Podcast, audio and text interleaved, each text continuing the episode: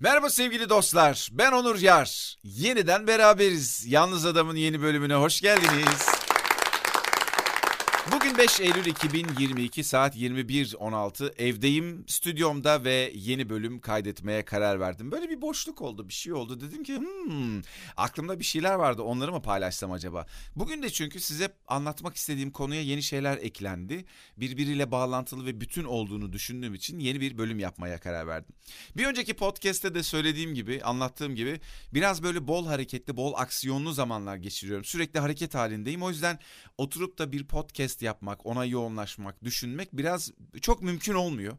Bir de böyle konular o kadar hızlı geçiyor. Hayat hayatın bugünlerde hızlı aktığı için durup paylaşacak bir alan bulmakta, bir e, zaman bulmakta ya da bir konuya yoğunlaşmakta zorlanıyorum ama birkaç gündür kafamı meşgul eden bir şey var. E, bence önemli bir konu. Sizlerle paylaşmak istedim ve ne düşündüğünüzü gerçekten merak ediyorum. Bana mı öyle geliyor yoksa genel olarak bunu yaşıyor muyuz? Size de sormak istiyorum. Geçen gün Kadıköy dedik bir arkadaşımıza gittik. Arabayla gittik ve arabayla çıktık. E, Kadıköy ve Moda sokaklarından arabayla geçtik. Çoğunlukla yürüyerek dolaştığım yerlerdir oralar benim. Yani çok araba e, benim kendi arabam yok. Araba kullanan biri değilim. Bir de o sokaklarda arabayla gitmek de çok akıl kâr değildir. Çok sıkışık bir trafik oluyor. Ee, biz arabayla gittik. Arabayla çıkarken de şöyle genel olarak sokakları gördüm. O sırada arkadaşımıza gittiğimiz arkadaşımızın evi Kadıköy'ün çok merkezi bir yerindeydi modanın. Ee, sokaklar dolup taşıyor. Gençler dışarıda oturuyorlar. işte muhabbet ediyorlar. Kimisi bir şeyler içiyor. Kimisi bluetooth hoparlörünü getirmiş. işte müzik dinliyor vesaire. Genel olarak Kadıköy'deki böyle gençlerin, gençliğin durumunu yani son yıllardaki durumunu da çok e, durumumuzu e, da içinde olduğum için gözlemliyorum, yaşıyorum, farkındayım. E, gençlerle sohbet ettiğimizde de benim de genç akrabalarım, kuzenlerim var. Onun dışında arkadaşlarım var benden daha da genç olanlar var. E, ve bu sosyal medya ve yaptığım işler sebebiyle gençlerle e, bir araya geldiğimizde de çok sık e, onları yakından tanıdığımı, görebildiğimi düşünüyorum özellikle. Genç derken tabii ki bu 20-30 yaş e, civarını özellikle e, söylüyorum arkadaşlar. Genel olarak geçen gün Kadıköy'de de e, gördüğümde şunu hissettim total olarak yani birçok düşünce geldi geçti kafamdan ama e, total olarak şunu düşündüm. Ülkemizde bir gençler adına konuşuyorum özellikle ama daha sonra büyüklere ve yetişkinlere de geleceğim. Bir nasıl diyeyim bir ülkü birliği yokmuş gibi hissediyorum. Ne demek ülkü birliği derken bu, bu kelimeler nereden aklıma geldi? Ülkü çok kullandığım bir kelime değil zaten. Andımız vardı ya e, biz ilkokulda işte ülkümüz derdik ve bir ülkümüzün ne olduğu tabii ki büyüklerimiz bizim için çizmiş o ülküyü. Ülkümüzün ne olduğunu gayemizin, amacımızın, hedefimizin ne olduğunu söylerdik. Tabii ki andımız biraz böyle savaş temelli, askeri temelli, e, böyle kurtuluş savaşı temelli ve milliyetçi duygularla yazılan bir e, yazı olduğu için e, andımız e, bir söylemi ne denir ona? E, orada tabii ki başka bir gaye e, söz konusu ama e, biz küçükken bize anlatılan Türkiye, bizim amaçlarımız, ailemize baktığımızda, topluma baktığımızda gördüklerimizle bugün gördüklerimiz arasında çok ciddi fark var. Çok ciddi benzerlikler de var tabii ki ama ben genel olarak gençlere baktığımda arkadaşlar bir amaçsızlık, bir hedefsizlik, bir gayesizlik görüyorum. Bunu söylerken de onlarda onları küçümsemek ve eleştirmek anlamında asla söylemiyorum. Yani herhangi bir grubu e, bir topluluğu zaten yani haddim değil aşağılamak, küçümsemek ama bunu görmüyorum derken şunu söylemek istiyorum. Herkes kendi mücadelesi içinde. Herkes kendi paçasını kurtarmaya çalışıyor. Herkes kendi yolunu çizmeye çalışıyor gibi. Belki anne babalarından, büyüklerinden duyduklarıyla onlar da kendi mücadeleleri içinde çünkü yani 20-30 yaş civarı olan yaşları olan arkadaşlarımızın anne babaları da çok yaşlı değiller tabii ki. Onlar da kendi mücadeleleri içinde ama genel olarak ülkemizde sanki ülke olarak bir hedefimiz yok bizim. Türk gençliğinin bir hedefi yok. Türk yetişkin tayfanın orta yaş belki 40 45 50 bunların bir hedefi yok. 60 70 80 belki onları hani çıkarabiliriz ama ya da onları da dahil edeyim. Ülke olarak biz sabah kalktığımızda ülke olarak bir millet olarak yani ben mesela Çerkez'im millet olarak derken herkesi kapsayarak söylüyorum tabii ki yani. E, kimse yanlış anlamasın bunlar çok hassas konular olduğu için son zamanlarda özellikle söylüyorum. toplum olarak ne yapmak istiyoruz? Nereye gitmeye çalışıyoruz? Bizim bir hangi konuda fikir birliğine varmışız? Çocuklarımızı neye göre yetiştiriyoruz? Gençleri neye göre nerelere yönlendiriyoruz? Yetişkinler ülke konusunda, toplum konusunda hangi sorumlulukları üzerine almışlar? Bunların hiçbirini göremiyorum ben. Bence bunları tamamen kaybetmişiz. Var mıydı önceden? Bilmiyorum. Hani ben daha önceden yetişkin olmadım. İlk defa şimdi yetişkinim yani orta yaş yetişkin arası bir yaştayım. Ben gençken de toplumsal olarak aileler bir hedefimiz vardı o zaman üniversite okumak. Yani üniversiteyi okumaktı ailelerin çocuklarından en çok bekledikleri şey. Ve mümkün olduğunca çocuk üniversiteye gönderilmeye çalışılırdı. Şimdi ben o zamanlar benim üniversite sınavına girdiğim dönemlerde hatırlıyorum. Hatta ondan öncesinde ortaokulda lise sınavına yani lise sınavları var işte Anadolu Lisesi olsun başka liseler olsun. Daha öncesinde de ilkokul biterken ortaokula e, yani ortaokulların olduğu e, işte özel okulların olduğu yine devlete ait çeşitli işte sağlık meslek okulları olsun başka okullar olsun kurumlar sınavı falan gibi sınavlar vardı. O zamanlar mesela bizim çoğumuz bundan bir haberdik biliyor musunuz arkadaşlar? Şimdi mesela komik gelecek bazılarınıza yaş olarak eğer bana yakın değilseniz. Ben ilkokula giderken ilkokulu bitirdiğimizde girilen sınavlardan sınıftaki pek çok öğrencinin haberi yoktu. Neden biliyor musunuz? Çünkü sadece kazanacağına inandıkları öğrencilere bunları söylerlerdi. Ya da aileler bu bilinçte değildi. Ben ortaokula giderken Anadolu liseleri işte sınavları işte kolej sınavları falan olurdu. Şimdi yine hani 8. sınıfta sınavlar oluyor ya. Bizim dönemimizde de oluyordu. Ancak o sınavlardan e, çoğumuz zaten böyle bir beklenti içinde girmiyorduk o sınavlara. Çok azımızın kazanabileceğine inandığımız sınavlardı. Ben mesela Adapazarı'nın bir ilçesinde e, okuyordum ortaokulu. Daha sonra liseyi Adapazarı merkeze geldim. Ama ülkenin genelinde böyle bir durum vardı.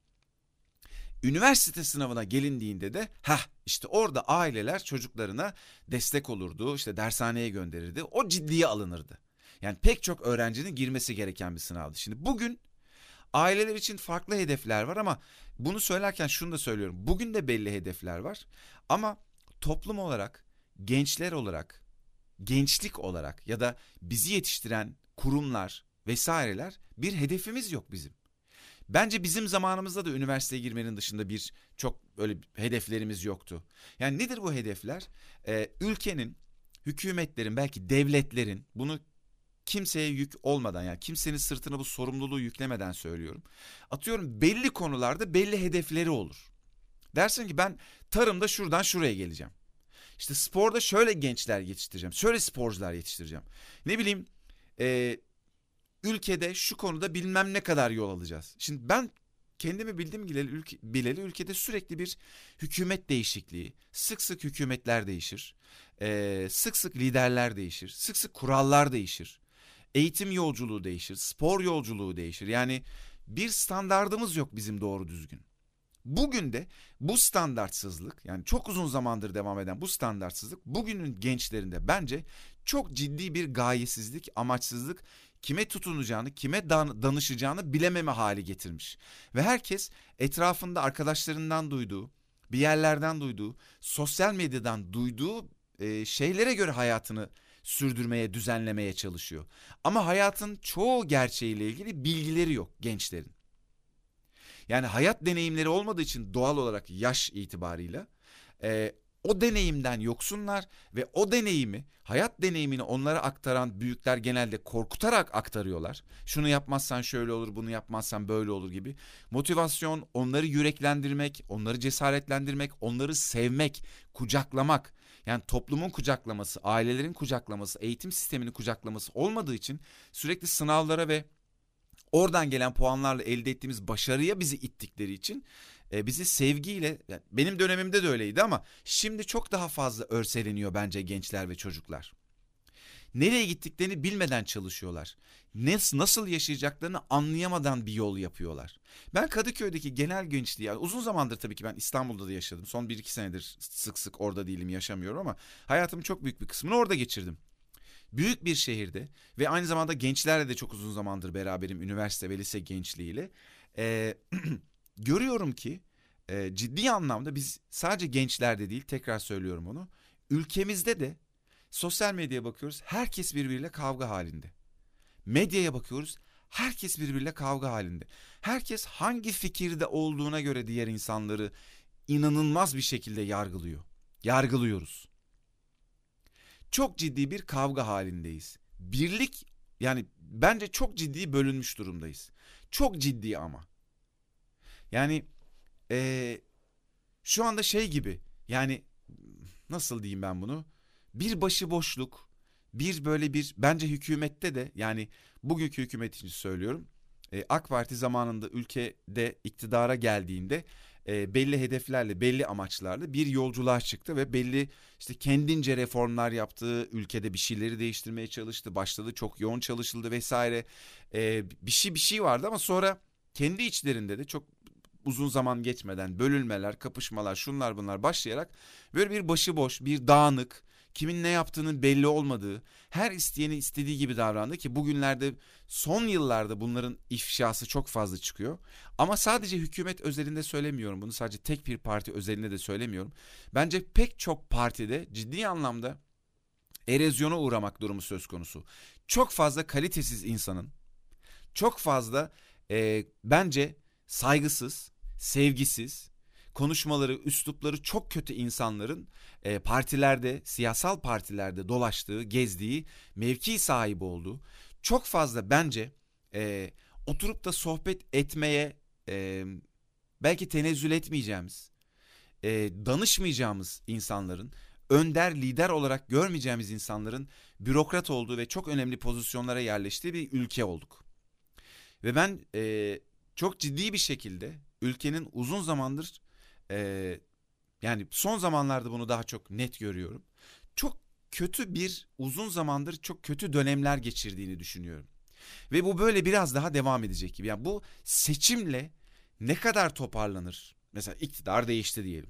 Yani ben genel olarak siyasetçilere güvenen, siyasetçileri önder lider kabul eden, onlara e, oy veren biri değilim benim pek çok e, beklentimi ya da beklenti de demeyeyim ama hayata bakışımla onların hayata bakışı çoğu yerde örtüşmüyor.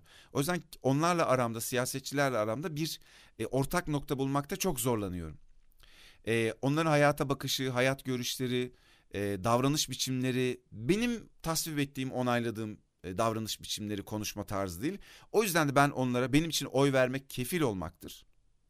Sana inanıyorum sen bir şeyleri yapabilirsin demektir. Bu anlama geliyordu. Ben öyle birini görmediğim için, birilerini görmediğim için oy kullanan biri değilim. E, bunu genel olarak söylüyorum o yüzden. E, vatandaşlar olarak yani siyasetle ilgilenmeyen, orada olmayan, partilerin içinde olmayan, günlük hayatında çalışan, okuyan insanlar olarak birbirimize çok fazla düşürüldük. Ciddi anlamda sürekli kavga ediyoruz. Farkında mısınız? E, haklı olduğumuzu düşünerek kavga ediyoruz hem de. Toplumda inanılmaz bir öfke, kızgınlık, birbirinden nefret ve birbirine düşme var. Ee, ve aynı zamanda bu, bunu daha da körükleyen bir iktidar var. Bunu daha da körükleyen bir siyasal bakış açısı var. Yani her partiyi kastederek söylüyorum. Herkes sanki bütün köşeleri tutmuş. Benim köşem burası ben bunları temsil ediyorum. Benim köşem burası ben bunları temsil ediyorum. Benim köşem burası ben de bunları temsil ediyorum. Ben böyle herkesi kucaklamak isteyen bir insanım. Ben herkesi kucaklıyorum diyen de var ama ben hiç samimi bulmuyorum.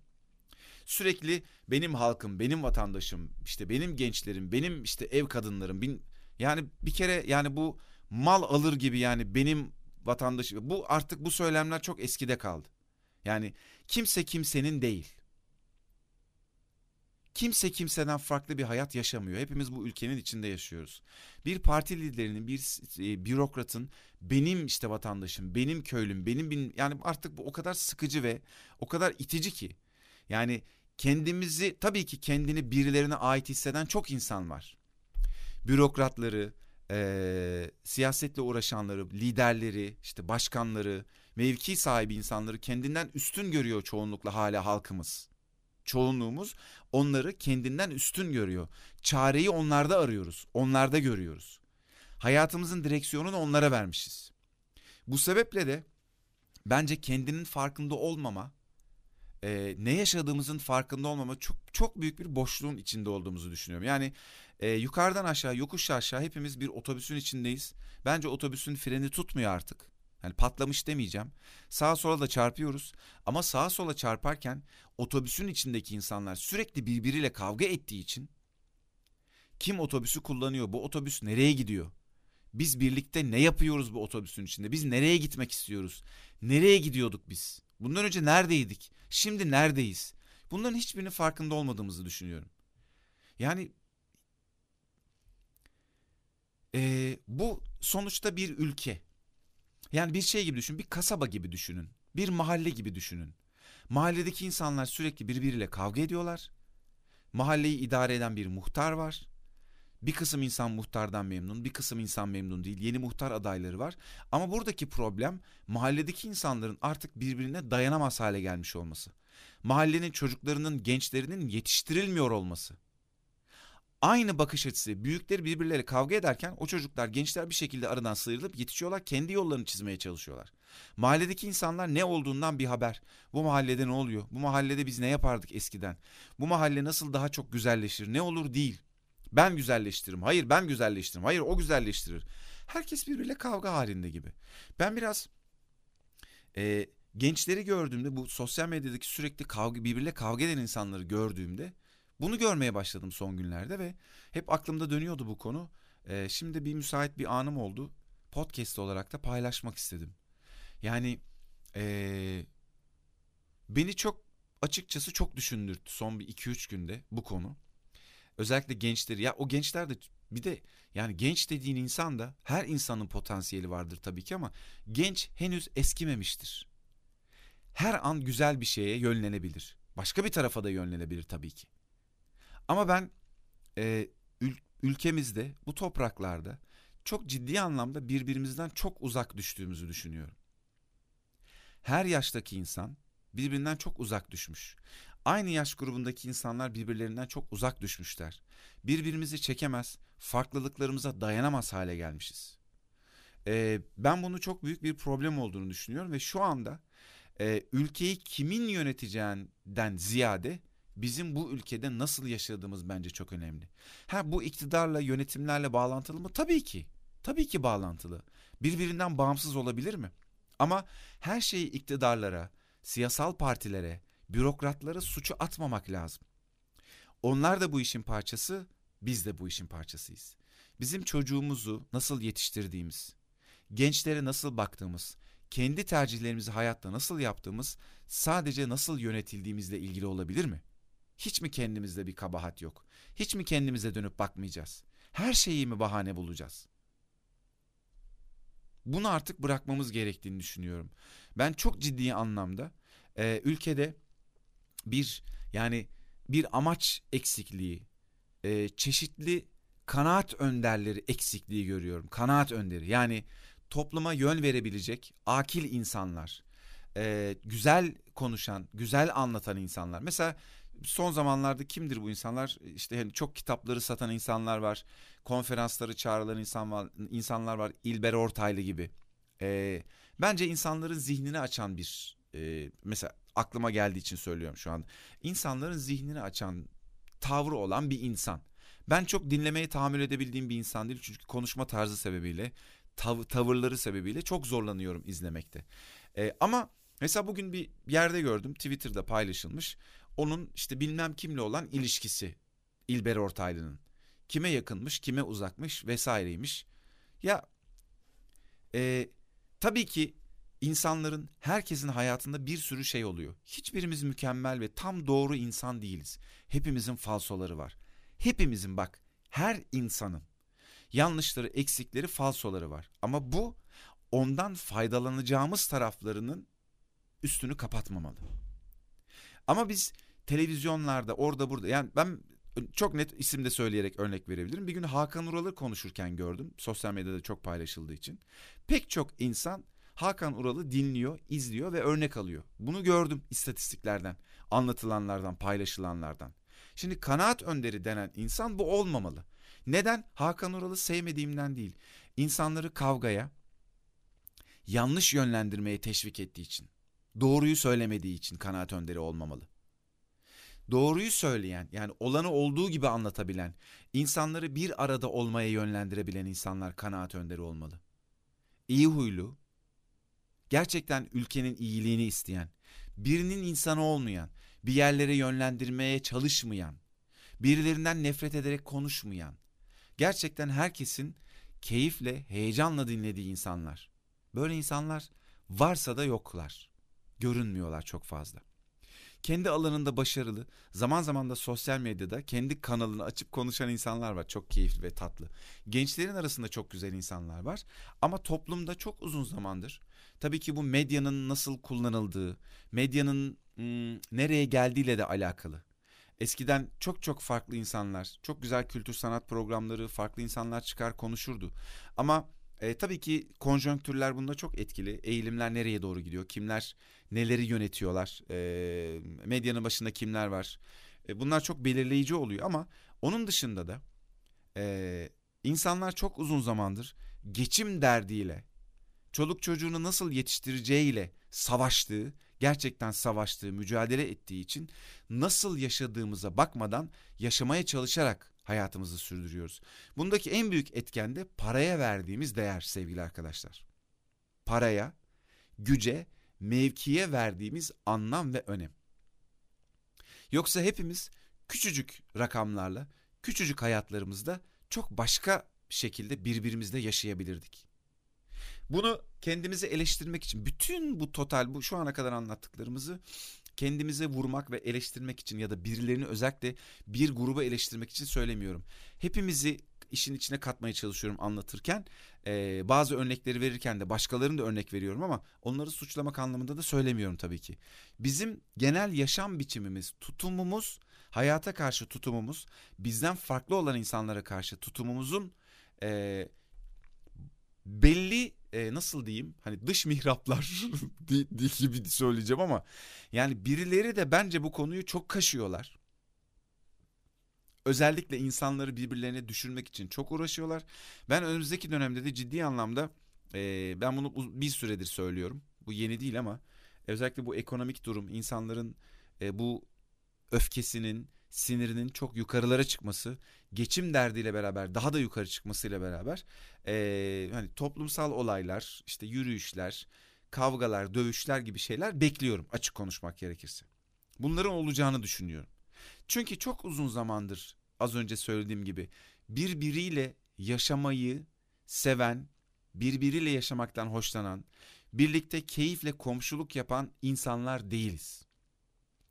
Ee, ben e, elim yani gezebildiğim ve görebildiğim kadarıyla Türkiye'nin farklı farklı şehirlerine gittim. Bu sene de biraz iş sebebiyle gideceğim.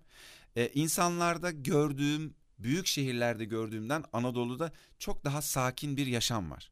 Bu anlamda enerji ve elektrik o kadar yüksek değil ama yüksek. Büyük şehirlerde geçim savaşı sebebiyle daha yüksek. Orada ekstra bir sinir ve gerginlik söz konusu. Ee, ama uzatmayayım birazcık da toparlayayım. Ee, galiba bir 15 dakikadır konuşuyorum belki de 20 dakikadır konuşuyorum ama e, hemen toparlamak istiyorum. Çok da uzatmayayım. Ee, biraz gergin ve sıkışık bir haldeyiz. Beni kim dinliyorsa e, muhakkak kendi hayatına bakmasını isterim. Türkiye'ye bakıp ne gördüğünü görmesini isterim ve ülkenin durumuna nasıl katkı sağladığını fark etmesini isterim. Ee, bunu söylerken kendimi dışarıda bırakarak söylemiyorum tabii ki. Kendimi de içine çok net bir şekilde dahil ediyorum ve sık sık kendim kendime sorduğum şey de bu toplumsal olaylarda özellikle diyorum ki benim buna bir dahlim var mı? Bu konunun değişmesiyle ilgili ben bir şey yapabilir miyim? Benim bunlarla ilgili tavrım nasıl? Örnek veriyorum kadına şiddetle ilgili bir şey konuşuldu. Döner kendime soruyorum. Dönüp kendime soruyorum. Diyorum ki Onur sen nasıl davranıyorsun? Senin bakış açın nasıl? Senin iyileştirmen gereken noktalar var mı gibi. O yüzden e, farklılıklara tahammülünüz nasıl? Farklılıklara tahammülünüz değil, bakış açınız nasıl? Sizin kendi hayatınızdaki amacınız ne? Ülkeyle, dünyayla ilişkiniz nasıl? Yani kendi yakamızı, kendi paçamızı kurtarmaya mı çalışıyoruz?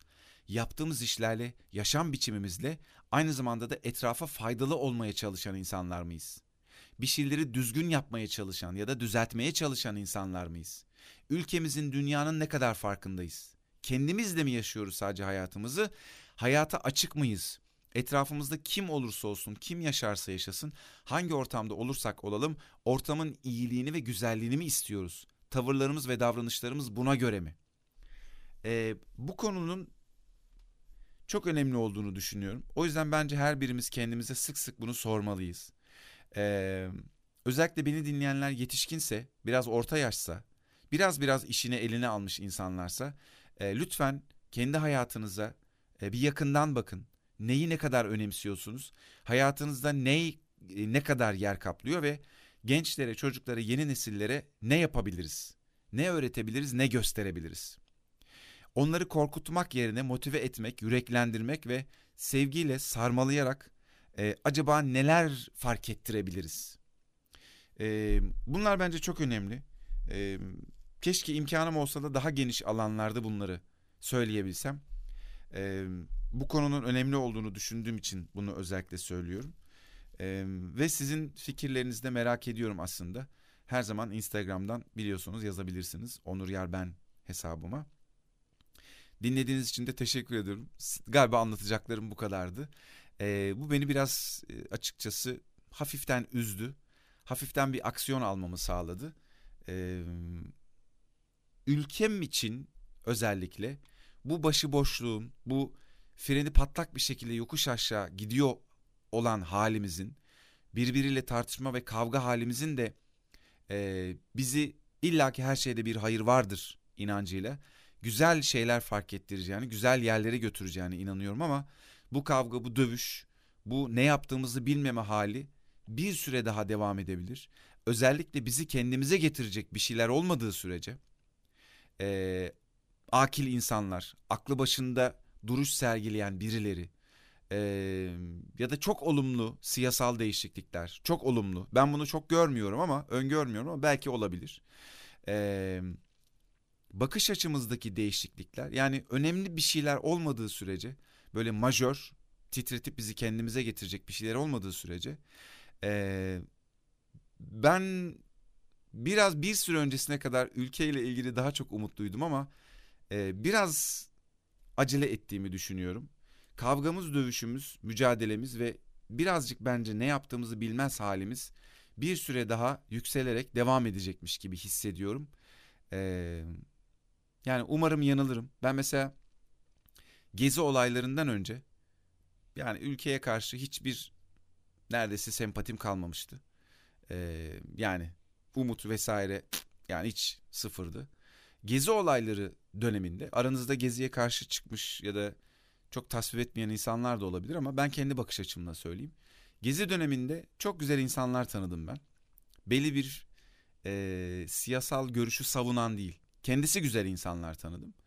Ee, ondan sonra takip ettiğim bazı insanlar ya geziden bağımsız bambaşka şeylerden bahsediyorum. Ülkede neler olduğuyla alakalı bu kariyer planlama ile ilgili yaptığım çalışmaların e, meyveleri ya da o sırada onlarla ilgili hazırladığım sunumlar sebebiyle tanıdığım insanlar, araştırdığım insanlar ülkede çok güzel insanlar olduğunu, çok güzel çalışmalar olduğunu gördüm. Azınlıkta olduklarını biliyorum ama çok güçlü çalışmalar var. Ülkede biraz olumlu bir hareket olursa e, ayrıştırmaya biraz son verebilirsek, birbirimize biraz sarılmamıza sebep olacak bir şeyler olursa, e, ben bu ülkenin e, yani o yüzünü güneşe dönen, o keyifli insanlarını, güzel insanlarına, e, toprağa, insanı kıymetli bulan, kıymet veren insanlarına çok güveniyorum. O insanlar çok kalabalık insanlar. E, onların kimler olduğunu göreceğiz. Bir de öyle bir dönemden geçiyoruz ki güzel insanların, bu ülke için, dünya için çalışan pek çok fıstık gibi insanın farkında değiliz. E, medyada çok fazla yer almıyorlar. E, alternatif medyada o insanları bulabilirsiniz, ulaşabilirsiniz. Ben çok görüyorum o insanları. Meraklı da olduğum için biraz takip ediyorum. Çok kalabalıklar. Çok güzel insanlar var. E, o güzel insanlar o güzel atlara binip gitmediler. E, giden insanlar da var ama burada güzel insan çok fazla sayı olarak. E, hacim olarak etki olarak çok fazla. O insanların da daha fazla kendini gösterdiği bir ortam, göstereceği bir ortam olabilirse e, o zaman ülkemizdeki bu e, birbiriyle sürekli kavga eden negatif hava birdenbire değişebilir. Bu negatif havayı e, kesinlikle siyasi olarak söylemiyorum. Bunun da altını çizmek isterim. Çünkü e, bugünkü iktidarı destekleyen, seven insanlar da olabilir ama geldiğimiz noktada ülkenin genel durumunun hoş olmadığını, insanların psikolojisinin çok da iyi olmadığını sanıyorum hepimiz görüyoruz. Hangi partiyi desteklersek destekleyelim. Ee, genel olarak gençlerin durumunu çok olumlu ve çok güzel şeyler de var tabii ki. Her şey kötü değil ama genel olarak ben biraz ya belki ben karamsar baktım. Benim biraz gözlerim kararmış olabilir ama e, son günlerde dediğim gibi baktığım yerde çok biraz beni birazcık e, üzen diyeyim ya da biraz şaşırtan şeyler gördüm. E, bu topraklar, bu ülke, bu dünya, bu insanlar bizim, hepimizin. Biz hepimize aitiz. Ne kadar e, birbirimize sahip çıkarak insana, toprağa, ülkeye, dünyaya yani ben çok hani öyle milliyetçi böyle damarlarından milliyetçilik kanı akan biri değilim. Ben toplu halde güzel yaşamamız gerektiğine inanırım. Ee, küçükken hatta bize çeşitli dualar öğretilir, öğretilirdi. Ee, ben işte küçükken camiye falan giderken ya da ne bileyim dua ederken e, bütün dünyayı e, hani Allah'tan bütün dünyayı korumasını hep isterdim. Müslüman olsun olmasın, burada yaşasın yaşamasın. Her yerdeki insanlara eli uzatmasını isterdim. Böyle biraz da utanırdım bunu söylerken çünkü bu öğretilmemişti. Hani sadece bizim topraklarımızda bizim gibi yaşayan insanlar hep dua edilir ya. E, o yüzden ben de ona alışmıştım ama bir tarafımda el vermiyordu yani. Diyordum ki sadece kendim gibi insanlara niye dua ediyorum yani haksızlık değil mi bu gibi. E, biraz böyle e, bakacağımız, baktığımız günlerin çoğalması, birbirimizi fark ettiğimiz, e, sabah kalkarken Ulen ne güzel bir yerde yaşıyoruz. E, ne güzel komşularımız, ne güzel iş arkadaşlarımız var. E, ne güzel e, ülke olarak güzel hedeflerimiz var. Güzel yerlere gidiyoruz diye uyandığımız günler olsun. E, çok özlemişim böyle zamanları açıkçası. Umutlu, keyifli, heyecanlı, birbirimize güvendiğimiz. E, belki benim de bunu kendi içimde değiştirmem gereken noktalar var. Dediğim gibi belki ben karamsar bakıyorum ama e, umarım güzel güzel şeyler olur e, ülkede daha fazla e, ve biz de buna muhakkak e, katkıda bulunmuş oluruz. Neyse uzatmayayım. E, sizi seviyorum. Bir sonraki bölümde buluşmak dileğiyle. Ben Onur Yar. Herkese iyi akşamlar.